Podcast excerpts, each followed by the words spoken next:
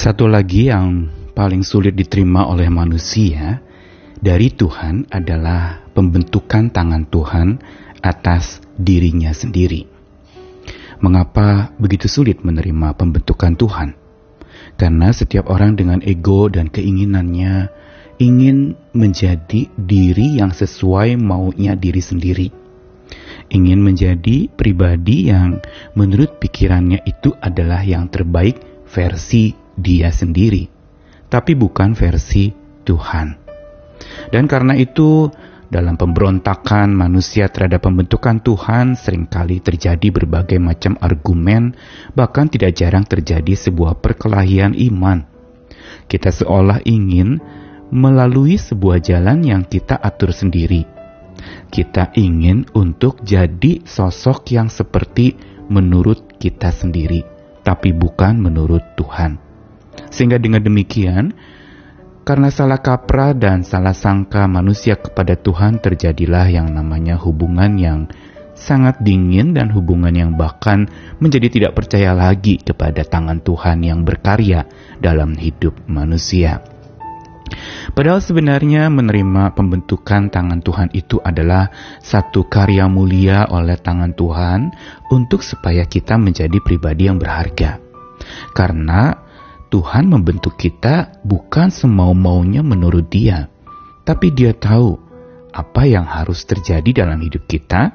Dia tahu bagaimana bentukan akhir kita nantinya yang tepat, yang selaras dengan panggilannya, sekaligus juga yang sesuai dengan kapasitas kita.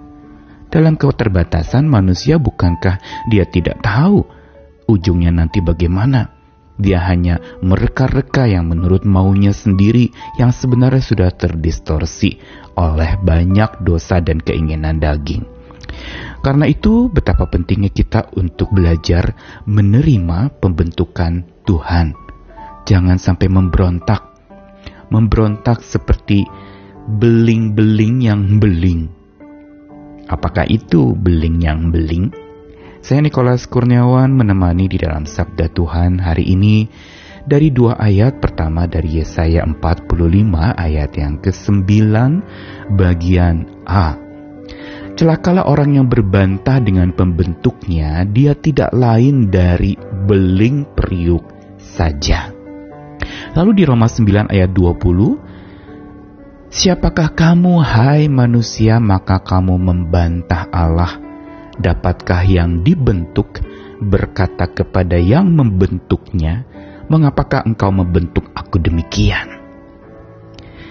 Argumen yang sering kali dikemukakan oleh seseorang kepada Tuhan lewat berbagai macam pergumulan, masalah berat, beban yang menindih, problem yang tidak habis-habisnya adalah sebuah protes keras dan berharap semua itu segera berlalu dan tidak lagi menindih hidup yang makin sengsara, makin sulit dijalani karena makin berat beban yang ditindihkan kepadanya.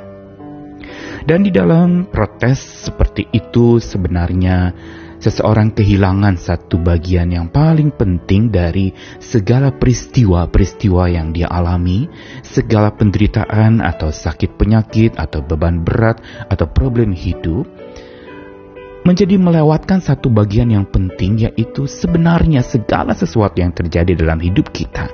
Entah itu baik, entah itu buruk, entah itu menyenangkan atau itu menyedihkan itu semua cara Tuhan membentuk kita.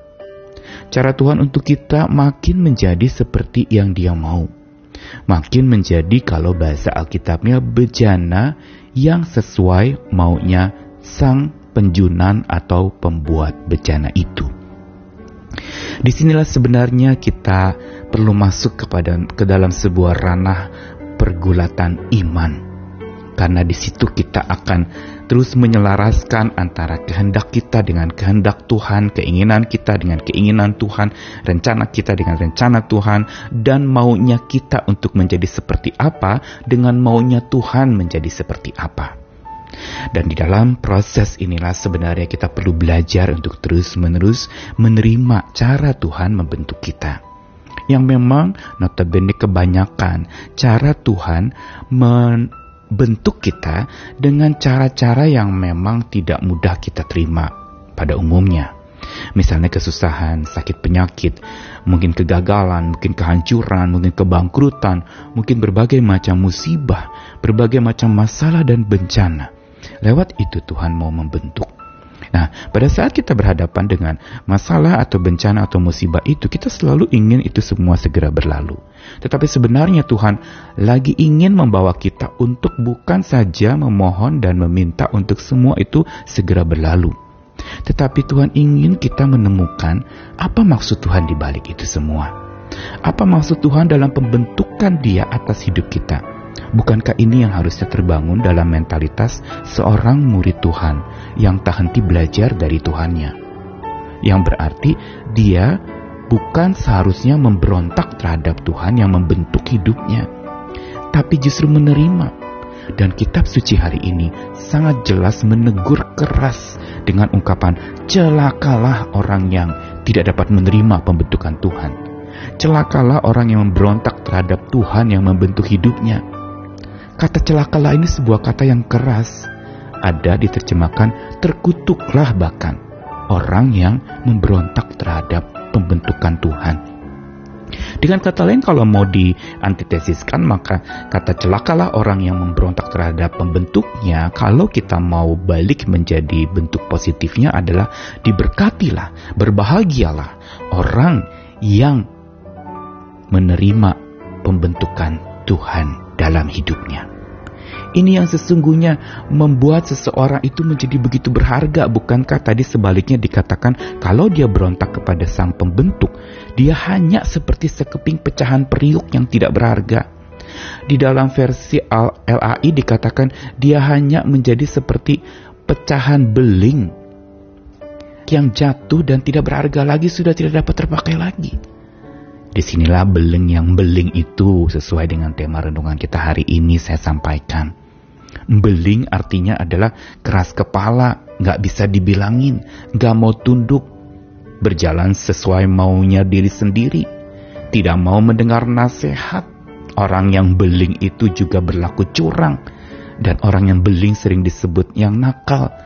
Bukan nakal karena satu tindakan semata, tetapi nakal karena tidak menurut dan inilah sebenarnya yang menjadi cikal bakal dan awal mula masalah hidup yang datang bertubi-tubi, yaitu pemberontakan kepada pembentuk kita. Dan ini yang menyebabkan kita justru jadi tidak melihat bagaimana cara Tuhan mau membentuk hidup kita. Karenanya, kalau kita mau menerima pembentukan Tuhan, maka bila menolak, kita menjadi celaka dan tidak bernilai, tetapi bila menerima, maka penerimaan kita akan pembentukan Tuhan itu adalah sebuah pusaka berharga. Berarti warisan yang sangat bernilai kekal dan abadi, supaya hidup kita bernilai mulia. Begitu pula bernilai mulia karena kita menilai segala sesuatu yang terjadi di dalam hidup kita itu ada sisi mulianya.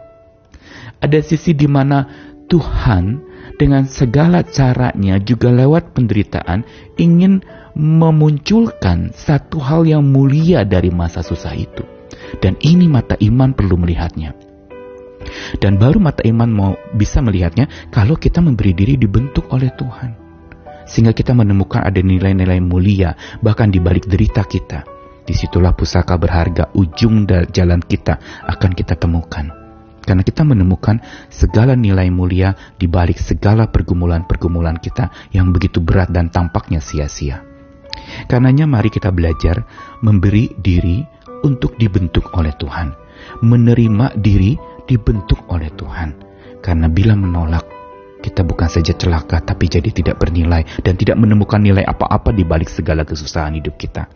Tapi bila menerima, itu adalah pusaka berharga, agar segala sesuatu yang buruk sekalipun kita dapat temukan ada nilai mulia di baliknya. Tuhan mengasihi kita pembentukannya terus berlangsung dalam hidup setiap orang. Karena itu, berilah diri menerima dibentuk oleh Tuhan. Selamat menerima pembentukan Tuhan. Amin.